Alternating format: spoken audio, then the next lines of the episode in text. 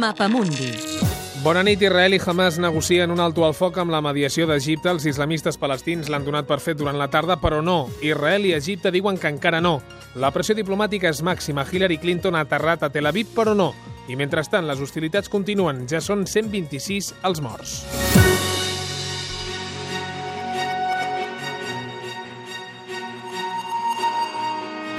De fet, ningú garanteix que les hostilitats s'aturin del tot si s'arriba a una treva, sigui com sigui, n'estan parlant. Mapamundi. Un programa de la secció d'Internacional i els corresponsals a l'estranger de Catalunya Ràdio.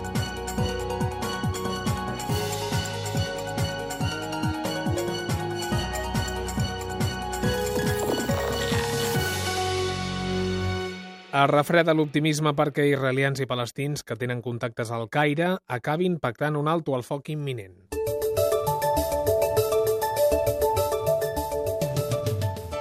Un alto al foc que aturi l'escalada de violència entre les dues comunitats, un acord que jamás fins i tot arribar ha arribat a anunciar com un fet.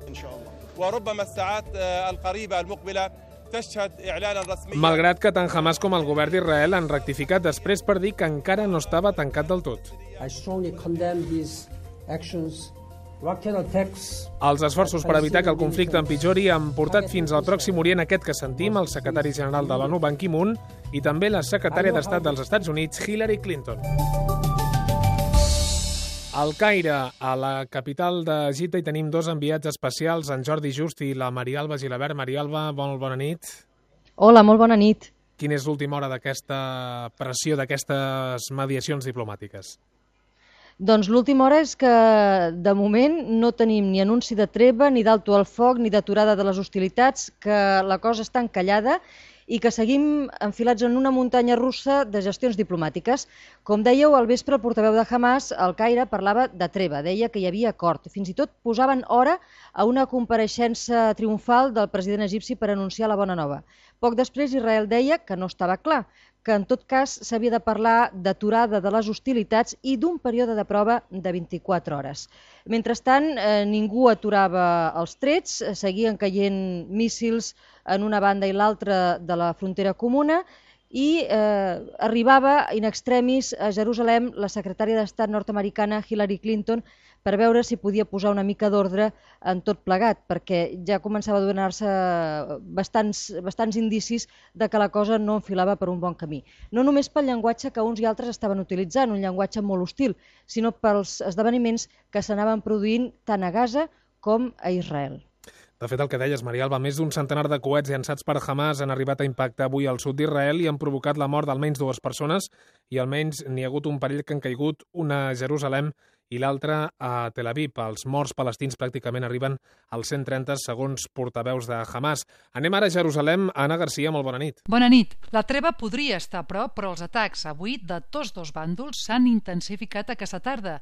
Potser és una forma de demostrar a les respectives poblacions que passi el que passi, el feble és l'altre. Avui s'ha desallotjat al nord de la franja de Gaza pels avisos d'israelians de possibles atacs. La població s'ha concentrat a correcuita al centre del país. Una vintena de persones han mort per raids israelians i uns homes han matat sis palestins, els quals culpaven de col·laboracionistes, i els hospitals comencen a faltar medicaments.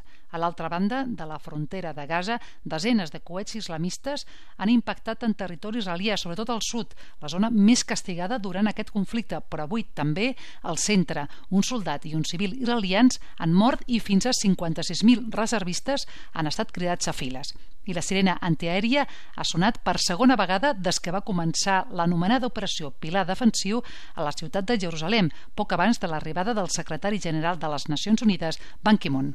Gràcies, Anna Garcia, des de Jerusalem. Encara al Caire, Maria Alba, a Jordi, heu estat testimonis d'un fet que, que demostra que la revolta, gairebé dos anys després, continua pendent.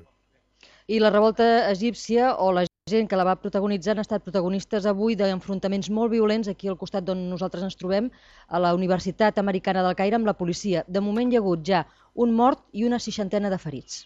Maria Alba Gilabert, Jordi Just, enviats especials a la capital d'Egipte, al Caire. Eh, gràcies, demà tornem a parlar. Bona nit. I tornem. Bona nit. Mapamundi